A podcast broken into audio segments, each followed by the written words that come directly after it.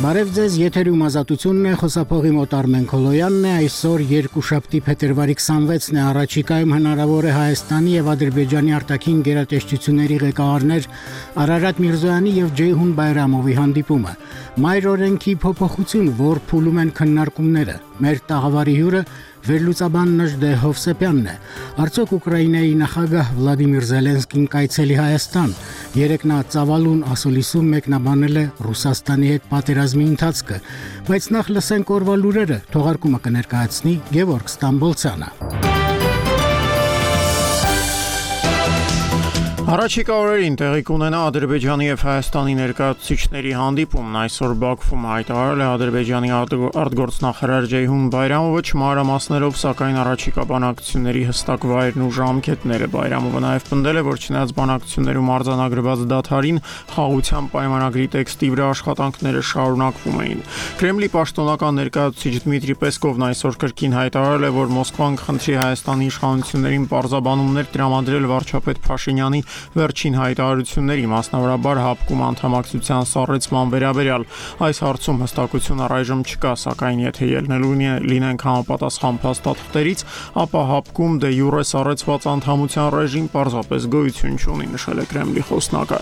Ադրբեջանի նախագահ Իլհամ Ալիևն այսօր ժամանել է Խոջալու այս մասին հաղորդում են ադրբեջանական աղբյուրները։ Ադրբեջանի ղեկավարը Խոջալու է այցելել այս բնակավայրում տեղի ունեցած իրադարձությունների 32-րդ տարելիցի օրն այստեղ ըստ տրենդ գործակալության Ալիևը մասնակցել է այսպես կոչված Խոջալուի ցեղասպանության հուշահամալիրի հիմնարկեքի արարողությանը։ Այսօր կայացել է Թուրքիայի եւ Ռուսաստանի նախագահներ Ռեջեփ Թայիպ Էրդողանի եւ Վլադիմիր Պուտինի հեռախոսազրույցն այս մասին հաղորդում է Թուրքիայի նախագահի աշխատակազմի հանրային կապերի ծառայությունը նշելով, որ զրույցի ընթացքում Ռուսաստանի ղեկավարը շնորհավորել է իր թուրք պաշտոնակցին 70-ամյակի արդիվ։ Ալեքսեյ Նավալնուն կալանավայրում սպանել են, որպեսզի կանխեն նրա փոխանակումը ռուսաստանյան հատ հատուկ ծառայությունների ենթադրյալ աշխատակից այժմ գերմանական բանտում գտնվող Վադիմ Կրասիկովի հետ այսօր հայտարարել է կոռուպցիայի դեմ պայքարի միջազգային հիմնադրամի տնօրեն Նավալնու թիմակից Մարիա Պևչիխը։ Նրա խոսքով Նավալնու փոխանակման մասին բանակցությունները գտնվում էին մեջբերում ավարտական փուլում։ ՄԱԿ-ի անվտանգության խորհուրդը լուրջ բարեփոխումների կարիք ունի այսօր հայտարարել է կազմակերպության գլխավոր քարտուղար Անտոնիո Գուտիերեշը նշելով, որ Ուկրաինայում եւ Գազայում տեղի ունեցող իրադարձությունները ծանր, եթե ոչ մահացու հարված են հասցրել անվտանգության խորհրդին խարխլելով այդ կառույցի հեղինակությունը։ Գուտիերաշի պնդմամբ անվտանգության խորհուրդը պետք է բարեփոխվի թե կազմի, թե աշխատանքային մեթոդաբանության տեսանկյունից։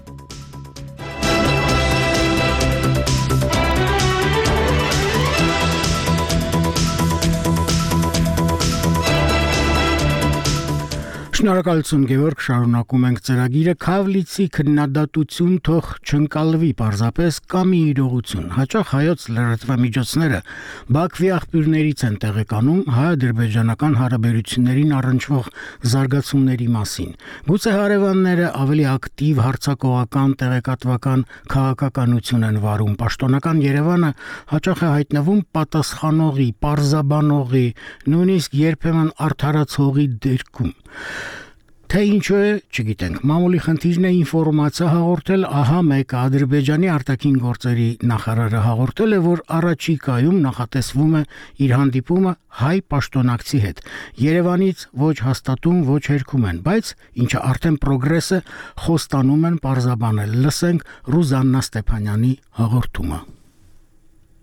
Պաշտոնական Բաքվի փոխանցման բառաչիկայում տեղի կունենա Հայաստանի եւ Ադրբեջանի պատվիրակությունների հանդիպումը։ Ադրբեջանի արտգործնախարարը սակայն փակագծեր չի բացել, թե կոնկրետ որտեղ է կայանալու այդ հանդիպումը, ինչ ֆորմատով՝ երկկողմ թե միջնորդի մասնակցությամբ։ Պաշտոնական Երևանն առայժմ չի արձագանքել եւ չի հաստատել առաջիկա օրերին նախատեսվող հանդիպման փաստը։ Միջդեռ Ադրբեջանի արտաքին քաղաքական գերատեսչության ղեկավարն այսօր հիշեցրել է, որ Մյունխենյան համաժողովի ժամանակ Փաշինյան-Ալիև հանդիպումից հետո էր որոշում կայացվել վերսկսել խաղաղության գործընթացը։ Prosese start verilməsi barədə qərar verilmişdi və yaxın günlərdə Ermənistan Առաջիկա օրերին խաղաղության պայմանագրի շուրջ նախատեսվում են բանակցություններ հայաստանյան պատվիրակության հետ։ Ինչպես գիտեք, թեև խաղաղության պայմանագրի շուրջ բանակցություններ տեղի չէին ունենում, բայց տեքստի շուրջ քննարկումները շարունակվում էին։ Ջեյհուն Բայրամովը ընդգծել է, որ թեև վերջին 5 ամիսների ընթացքում որևէ պայմանավորվածություն ձեռք չի բերվել, սակայն Հայաստանի հետ սահմանին խաղաղություններ եւ անդոր։ Ընդ որում, առանց անուններ տալու Բայրամովը մեղադրել է որոշ շրջանակների լարվածություն հրահրելու համար։ Azərbaycan öz ərazi bütövlüyünün Անցած 5 ամիսները եղել են ամենահանգիստ շրջանը Ադրբեջանի եւ Հայաստանի պայմանական սահմանին։ Երբ մենք դիտարկենք այդ ժամանակահատվածը, ապա կտեսնենք, որ որոշ շրջանակներ անհանգստացած են այդ հանգամանքով եւ անում են հնարավորը իրավիճակը փոխելու եւ լարվածություն առաջացնելու համար։ Միաժամանակ Ադրբեջանի արտգործնախարարը քննադատել է Եվրամիությանը եւ Ֆրանսիային նրանց մեղադրելով իրավիճակը ապակայունացնելու մեջ։ Բայրամովը մասնավորապես ասել է, որ Եվրամիության առաքելության գործողությունները սահմանին արևմտյան տարբեր դիվանագետների ժամանումը սահման, երբ լարվածություն չկա, հանգեցնում է նրան, որ հարցն անընդհատ օրակարգում է եւ ներկայացվում է որպես լարվածություն։ Ինչ վերաբերում է Փարիզին, ապա ըստ Բաքվի կատարված դրական քայլերի ֆոնին Ֆրանսիայի ակտիվացումը սրում է իրավիճակը։ Բայրամովը որպես օրինակ մատնանշել է նաև Ֆրանսիայի պաշտպանության նախարարի այցը Հայաստան həm Fransanın təhrik edici. Շոլցի նախաձեռնած հանդիպումից հետո ընդգծվեց եւ համաձայնեցվեց խաղաղ գործընթացի զարգացման կարեւորությունը,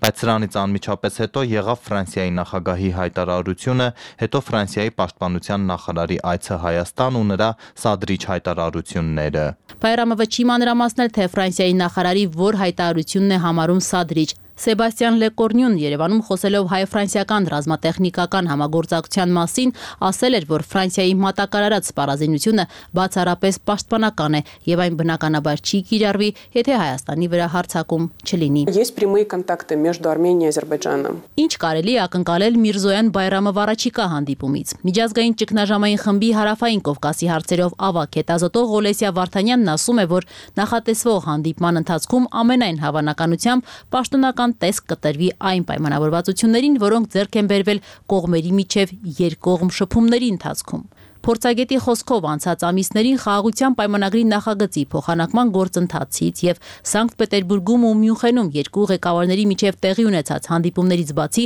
Հայաստանի եւ Ադրբեջանի միջև կան ուղիղ շփումներ։ Скорее всего, эта встреча министров иностранных дел, она в первую очередь будет для того, чтобы как бы формализовать те договоренности, которые до этого обсуждались сторонами на прямых встречах. Չնայած այն փաստին, որ երկու երկրների արտգործնախարարների միջև ուղիղ բանակցություններ չեն եղել, գաղտնիք չէ, որ կան ուղիղ շփումներ կողմերի միջև։ Այդ շփումների շրջանակում պայմանավորվածություն ձեռք բերվեց անցած տարվա դեկտեմբերին գերիների փոխանակման հարցի շուրջ։ Այդ շփումների շրջանակում, ինչպես հասկանում եմ, նաև քննարկվում է այն փաստաթուղթը, որ մենք անվանում ենք խաղաղության պայմանագիր։ Եվ այժմ նախարարների առաջիկա հանդիպումը ամենայն հավանականությամբ առաջին հերթին նպատակ է ունենալու ֆորմալ տեսք տալ այն պայմանավորվածություններին, որոնք մինչ այդ կողմերը քննարկել են ուղիղ հանդիպումների ընթացքում։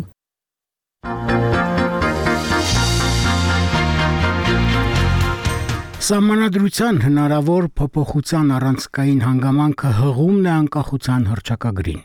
այն կպահպանվի թե ոչ 1990-ի օգոստոսի 23-ին Գերագույն խորհրդում ընդունված հրճակագիրը հարևանների կողմից ընկալվում է որպես ոտնձգություն տարածքային ամբողջականությանը դրա ներածական բաժնում հիշատակվում է 1989 թվականի դեկտեմբերի 1-ի հայկական ԽՍՀ եւ Լեռնային Ղարաբաղի վերամիավորման որոշումը իսկ թիվ 11 հոդվածում նշվում է 1915-ին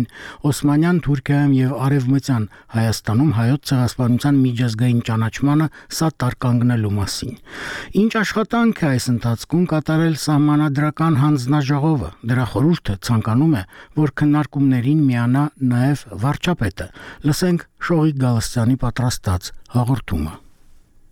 Նոր սահմանադրություն ունենալու վարչապետ Նիկոլ Փաշինյանի հայտարարությունից ավելի քան 1 ամիս անց քաղաքացիական պայմանագրում դեռ որոշում չկա։ Արդյոք մայր օրենքի փոփոխությամբ երկրի գլխավոր իրավական փաստաթղթից կհանվի անկախության հռչակագրին հղումը։ Ազատությանն ասած իշխող ուժի падգամավոր սահմանադրական փոփոխությունների խորհրդի անդամ Արուսյակ Ջուլհակյանը։ Կուսակցությունը parberabar են իստեր անցկացնում, բայց հենց սահմանադրության նախաբանը փոխելու հարց, ինչպես падգամավորն է վստահեցնում, անգամ չեն քննարկել։ Սահմանության փոփոխությունները, նոր սահմանության ընդունումը, դրան գտնվում են քաղաքական խորհրդի դաշտում համանդրական փոփոխությունների խորհրդի դաշտում։ Ինչ վերաբերում է նրան, թե ինչու կուսակցությունը վերջնական որոշում չի կայացրել, որտեղ այս պայմանությամբ դեռ վերջնական քննարկում չի ունեցել, ասենք, բայց པարզ է, որ վարչապետի դիրքորոշումը դա է, հա, ասենք, բայց ոչ թե վարչապետը ասում է, սա պետք է արվի, ինքը ասում է, ես այստեղ տեսնում եմ ռիսկ։ Այսինքն դաշտ է բացվում հանրության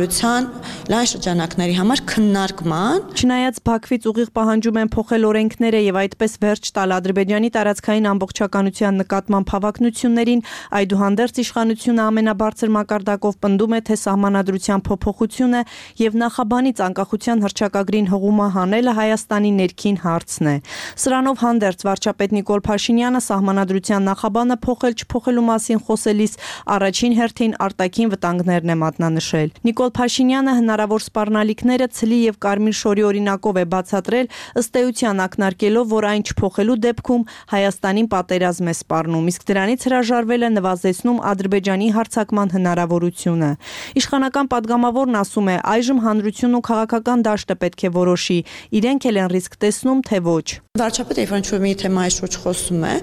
մենք միշտ պետք է դրան նայենք որպես բացված թեմա, որի շուրջ պետք է հանրությունը ունենա քննարկումներ եւ ես կարծում եմ, որ այդ թեման հիմա բացված է եւ հիմա մենք այդ քննարկումները տեսնում ենք տարբեր մակարդակներում, այլ հարց է, որ որոշակի շահարկումներով է այդ քննարկում այդ քննարկումը ուղեկցվում, դա այլ հարց է, բայց ես կարծում եմ, որ սա կարևորագույն թեմա է, կարևորագույն հարց է մեր պետության եւ պետականության համար եւ մենք պետք է հասկանանք, թե այս քննարկումները ինչի են բերում։ Իդեպ առաջիկայում սպասվում է սահմանադրական փոփոխությունների խորհրդի նիստ վարչապետ Նիկոլ Փաշինյանի մասնակցությամբ։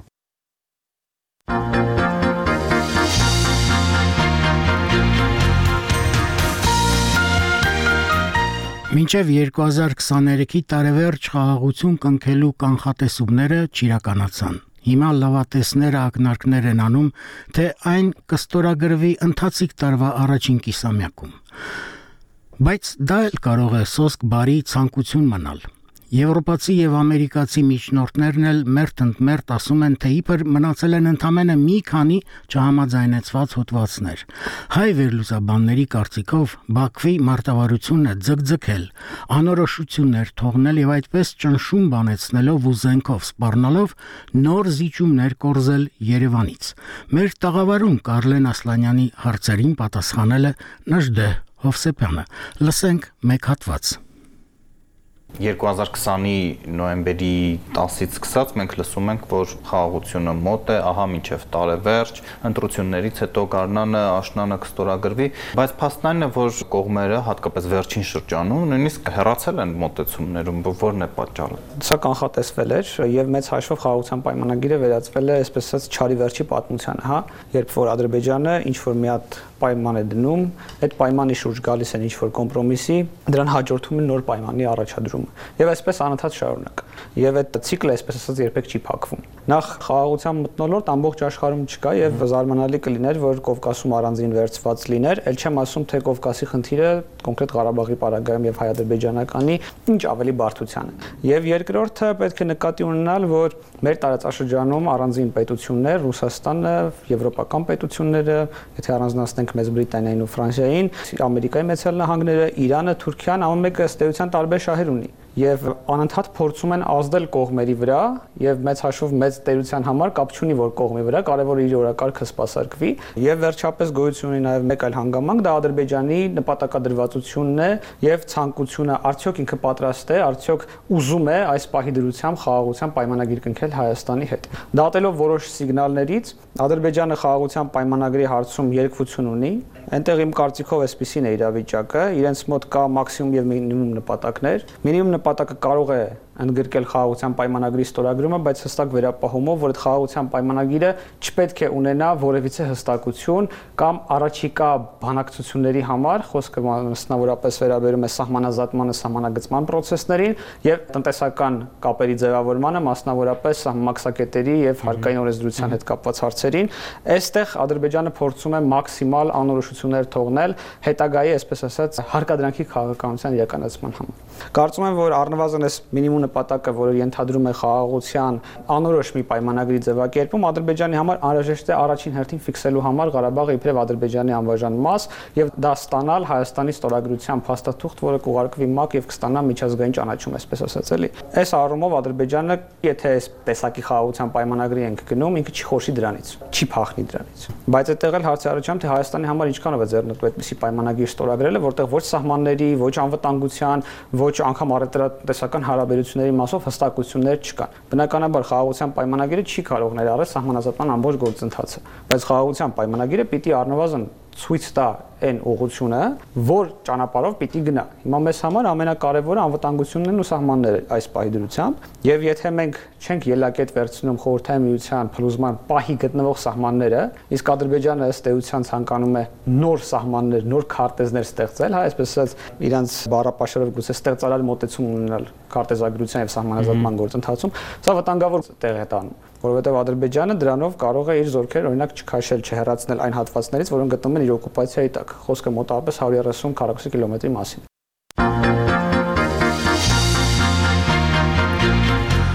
Հակամարտկային արարքի համար մեղադրվող ադրբեջանցի Քամիլ Զեյլանին Զեյնալին վերջերս Մոսկվայում ձերբակալվեց եւ ժամերանց ազատ արձակվեց ու մեկնեց Բաքու։ Այնտեղ Հայի գլխատած ցանկացած մեկին ազգային հերոս են համարում, բայց ինչու Մոսկվան այդպես վարվեց։ Գուցե դա յուրօրինակ ուղերձ էր Երևանին։ Հայաստանի պատկան մարմինները պնդում են, որ այս հարցում գործել են ճիշտ սահմանված պրոտոկոլով։ Միաժամանակ ներքին գործերի նախարար Վահե Ղազարյանը հրաժարվեց քաղաքական մեկնաբանություն անել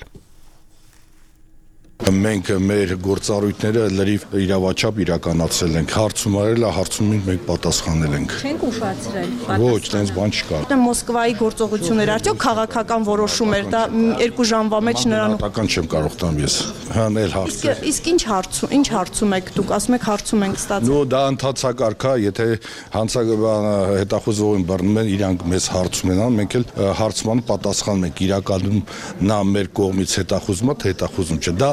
բոլոր հետախուզողները, որը հայտարարված է միջազգային հետախուզում, մենք պարտավոր ենք այդ հարցման նույնն էլ իրանք են։ Իրանք հաստատել եք, որ միանշանակ։ Միանշանակ։ Երբ եք ստացել իրենցից հարցումը եւ երբ եք պատասխանել նույն օրը ստացել եք նույն անմիջապես պատասխանել ենք։ Երբ ձեր պատասխանը ուղարկեցիք, իրեն արդեն ուղարկել էին Բաքու, թե Հարցին չեմ կարող ասում։ Տեղեկությունը կար ամեն դեպքում հրաապարակային կար այդ տեղեկությունը, որ դուք պատասխանեցիք իրեն։ Չեմ կարող այդ հարցին պատասխանել, որովհետև դա մենք մեր ընթացակարգից չենք շեղվել։ Մեր գործառույթներից չենք շեղվել։ Տեսեք, հիմա մենք նմանատիպ հետախուզողներ էլ ունենք, որ բռնել են, բաց են թողել, եւ դուք եք տեղյակ, ունենք։ Դե դա արդեն ռուսական կողմ կարա այդ հարցը։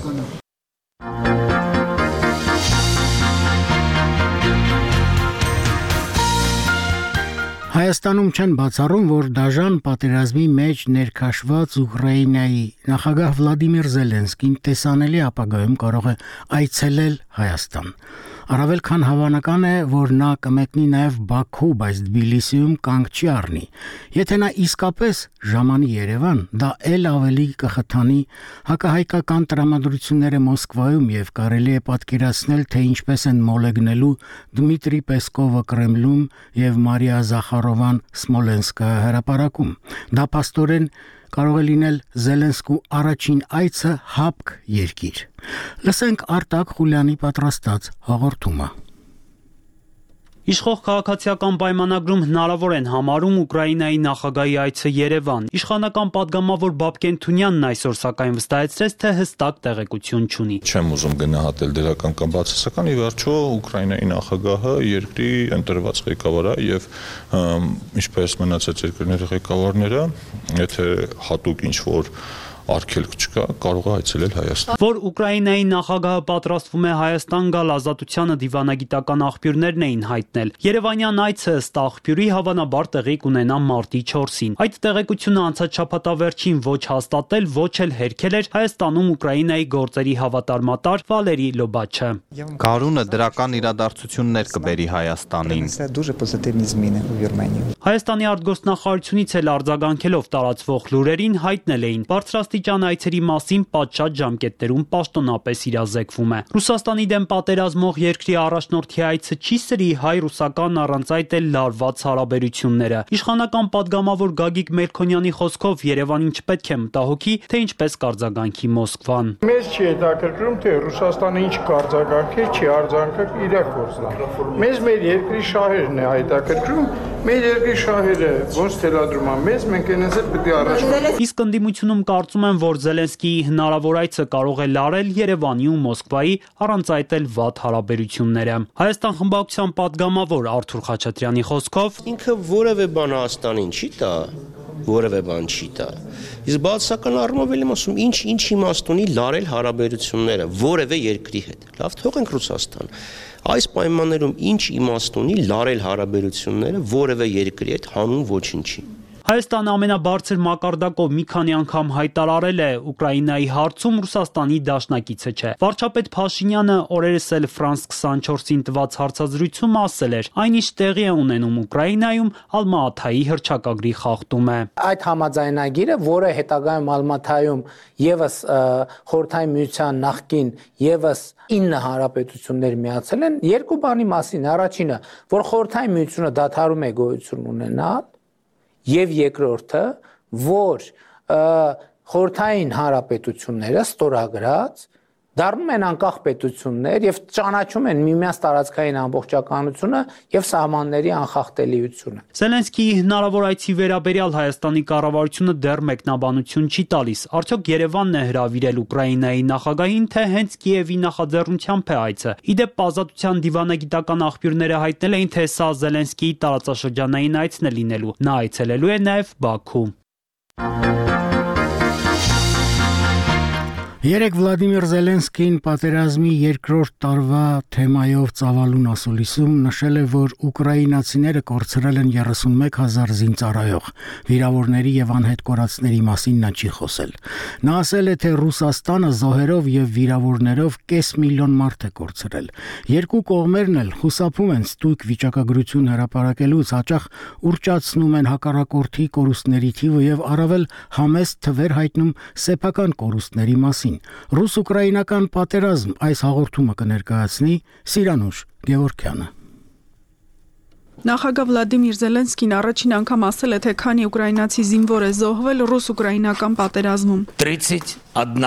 тисяча українців загинуло Այս պատերազմում զոհվել է 31000 ուկրաինացի զինվոր, ոչ 300000, ոչ 150000, ոնց Պուտինն է ասում։ Բայց այնուամենայնիվ այս կորուստներից յուրաքանչյուրը մեզ համար մեծ է не 300 тысяч, не 150 тысяч, что там бреше Путин со своим... Ռուսական կողմը Զելենսկի պնդմամբ կորցրել է 180.000 զինվոր։ Я не знаю, скільки безвісті зниклих у них. Չգիտեմ թե քանի զո եւ անհետ կորած ունեն նրանք, բայց ես գիտեմ, որ դա մինչև կես միլիոն է վիրավորների հետ միասին։ Չեմ պատրաստում մեր կոմի վիրավորների թիվը ասել, քանի որ Ռուսաստանը կիմանա թե քանի մարդ է լքել առաջնագիծը դոբ, եթե սոցում ես պորաննեմ։ Ռուսաստանը չի հրապարակում իր պատերազմական կորուստները։ Նոյեմբերին ՆԱՏՕ-ի գլխավոր քարտուղարը Ռուսաստանի կորուստները գնահատել էր 300.000։ Մինչ այդ Կիևը Ռուսաստանին մեղադրում է պատերազմական նոր հանցագործության համար։ Հանգստյան օրերին ռուսական-ուկրաինական Telegram ալիքներում տարածվել էր մի տեսանյութ, որում մի խումբ ենթադրաբար ռուս զինվորներ մոտ տարածությունից կրակ են բացում գերեվարված ուկրաինացի զինվորների վրա։ Անօթաչու թրջող սարքի կադրերից երևում է, որ մինչ կրակելը զինվոր զինվորները ձեռքերը վեր են բարձրացնում ու պարկում գետ գետնին։ Ուկրաինայի Գերագույն Ռադայի մարդու իրավունքների հանձնակատար Դմիտրի Լուբինեցը հայտարարել է, որ միջադեպը տեղի է ունեցել շաբաթ օրը փետրվարի 24-ին Բախմուտի շրջանում։ Սպանվածները Ուկրաինայի զինված ուժերի առնվազն 7 զինծառայողներ են։ Օմբուդսմենը կատարված ռազմական հանցագործություն է որակել։ Ռուսական կողմն այս տեղեկությունը չի մեկնաբանել։ Շաբաթ օրը լրացավ ռուսական լայնածավալ ագրեսիայի 2 տարին։ Ուկրաինայի նախագահը կրկին հայտարարել է, թե Պուտինը չի ուզում ավարտել պատերազմը։ Իր հերթին Պուտինը վերջ վերջերս ասել էր, թե Ռուսաստանը ոչ մի պարագայում չի հրաժարվի արդեն գրաված տարածքներից։ Այսօր ճակատում նախաձեռնությունը ռուսների կողմում է։ Ռուսական բանակը Դոնեցկի մարզի Ավդեևկա քաղաքը գրավելուց հետո անցել է հարցակման ճակատի միանգամից մի քանի ուղությամբ։ Առաջիկա ամիսներին դժվար կլինի, քանի որ Միացյալ Նահանգներում տատանումներ կան Ուկրաինային օգնելու հարցում։ Կիրակի օրը պատերազմի երկրորդ տարելիցին նվիրված ասուլիսում հայտարարել է Վլադիմիր Զելենսկին, հավելելով, թե ռուսական կողմը պլանավորում է մայիսի վերջին կամ ամռան սկզբին անցնել լայնածավալ հարցակման։ Կկարողանա արդյոք ուկրաինական բանակը դիմադրել ռուսական ուժերին։ Ըստ Զելենսկու դա մեծամասամբ կախված է արևմտյան դաշնակիցների օգնությունից։ Այսօր մոտ 20 եվրոպական երկրների ղեկավարներ հավաքվում են Փարիզում քննարկելու Ուկրաինային արևմտյան աջակցության ամրապնդումը։ Ֆրանսիայի նախագահ Էմանուել Մակրոնի ներկայացուցիչն ասել է, թե եվրոպական երկրները ցանկանում են շատ հստակ ազդանշան ուղարկել Պուտինին, որ նա չի հաղթի Ուկրաինայում։ Իր հերթին Միացյալ Նահանգների նախագահ Ջո Բայդենն այսօր Սպիտակ տանը կհանդիպի կոնգրեսի առաջնորդների, այդ թվում ներկայացուցիչների պալատի խոսնակ Մայք Ջոնսոնի հետ քննարկելու միլիարդավոր դոլարների շտաբ օգնությունը դաշնակիցներին։ Ազատություն TV-ն արդեն հասանելի է Հայաստանի բոլոր գլխավոր կաբելային ցանցերում։ Դիտեք մեզ Ucom-ի 222-րդ, Rosttelecom-ի 18-րդ եւ Team TV-ի 3-րդ ալիքներով ազատության շուրջօրյա անկողմնակալ լրատվությունը, բացառիկ հարցազրույցները, ուղիղ միացումներն ու ռեպորտաժները կարող եք դիտել նաև ազատություն.am կայքում, YouTube-ում ու մեր Facebook-յան էջում։ Հարգելի ունկնդիրներ, այս ծրագրի ավարտին էլ Գևորգ Ստամբոլցյանը ձեր ուշադրությանը կներկայացնի օրվա լուրերի համառոտ թողարկումը։ Առաջիկա օրին տեղի կունենա Ադրբեջանի եւ Հայաստանի ներկայացուցիչների հանդիպումն այսօր Բաքվում հայտարարել է Ադրբեջանի արտգործնախարար Ջեյհուն Բայրամովիչ մանրամասներով սակայն առաջիկա բանակցությունների հստակ վայրն ու ժամկետները Կրեմլի պաշտոնական ներկայացուցիչ Դմիտրի Պեսկովն այսօր կրկին հայտարարել է, որ Մոսկվան կխնդրի Հայաստանի իշխանություններին պարզաբանումներ տրամադրել վարչապետ Փաշինյանի վերջին հայտարարությունների մասնավորաբար հապկում անդամակցության սառեցման վերաբերյալ։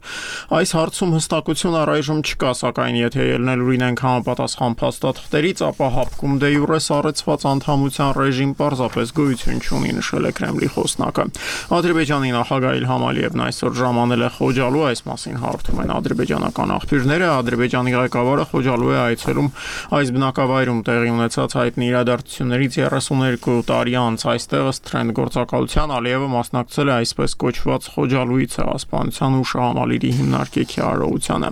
Այսօր կայացել է Թուրքիայի եւ Ռուսաստանի նախագահներ Ռեջեփ Թայիփ Էրդողանի եւ Վլադիմիր Պուտինի հեռախոսազրույցը այս մասին հարթում է Թուրքիայի նախագահի աշխատակազմը նշելով, որ զրույցի ընթացքում Ռուսաստանի ղեկավարը շնորհավորել է իր թուրք պաշտոնակցին 70-ամյակի արդիվ։ Կրեմլը հայտարարել է, որ Ռեջեփ Թայիփ Էրդողանի եւ Պուտինի դեմ արդեմ հանդիպումը կայանա միայն Ռուսաստանում մարտին կայանալիք նախագահական ընտրություններից հետո։ Ալեքսեյ Նավալնուն կալանավայրում սպանել են, որպեսզի կանխեն նրա փոխանակումը ռուսաստանյան հատուկ ծառայությունների ենթադրյալ աշխատակից այժմ գերմանական բանտում սպանության համար գտնվող Վադիմ Կրասիկովի հետ այսօր հայտարարել է կոռուպցիայի դեմ պայքարի միջազգային հիմնադրամի տնօրեն Նավալնու թիմակից Մարիա Պևչիխը նրա խոսքով Նավալնու փոխանակման մասին բանակցությունները գտնվում էին ավարտական փուլում։ ՄԱԿ-ի անվտանգության խորհուրդը լուրջ բարեփոխման կարիք ունի այսօր հայտարարել է կազմակերպության գլխավոր քարտուղար Անտոնիո Գուտերեշը նշելով, որ Ուկրաինայում եւ Գազայում տեղի ունեցող իրադարձությունները ծանր, եթե ոչ մահացու մահացու հարված էին անվտանգության խորհրդի համար, որոնք խարխլել են այդ կառույցի հեղինակությունը Գուտիերեշի պնդմամբ անվտանգության խորհուրդը պետք է բարեփոխվի թե կազմի, թե աշխատանքային մեթոդաբանության տեսանկյունից եւ Դանյան այսօր հայտարարել է, որ դադարեցնում է հյուսիսային հոզ գազատարի պայթեցման գործով հետաքննությունը։ Դա Կոպենհագենի ոստիկանությունը հայտարարում է, որ թեև հետաքննության ընթացքում ողջվել է, որ գազատարները դարձել են սաբոտաժի թիրախ, սակայն Դանիայի տարածքում այդ արդիվ քրեական գործ հարուցելու հիմքերը բացակայում են։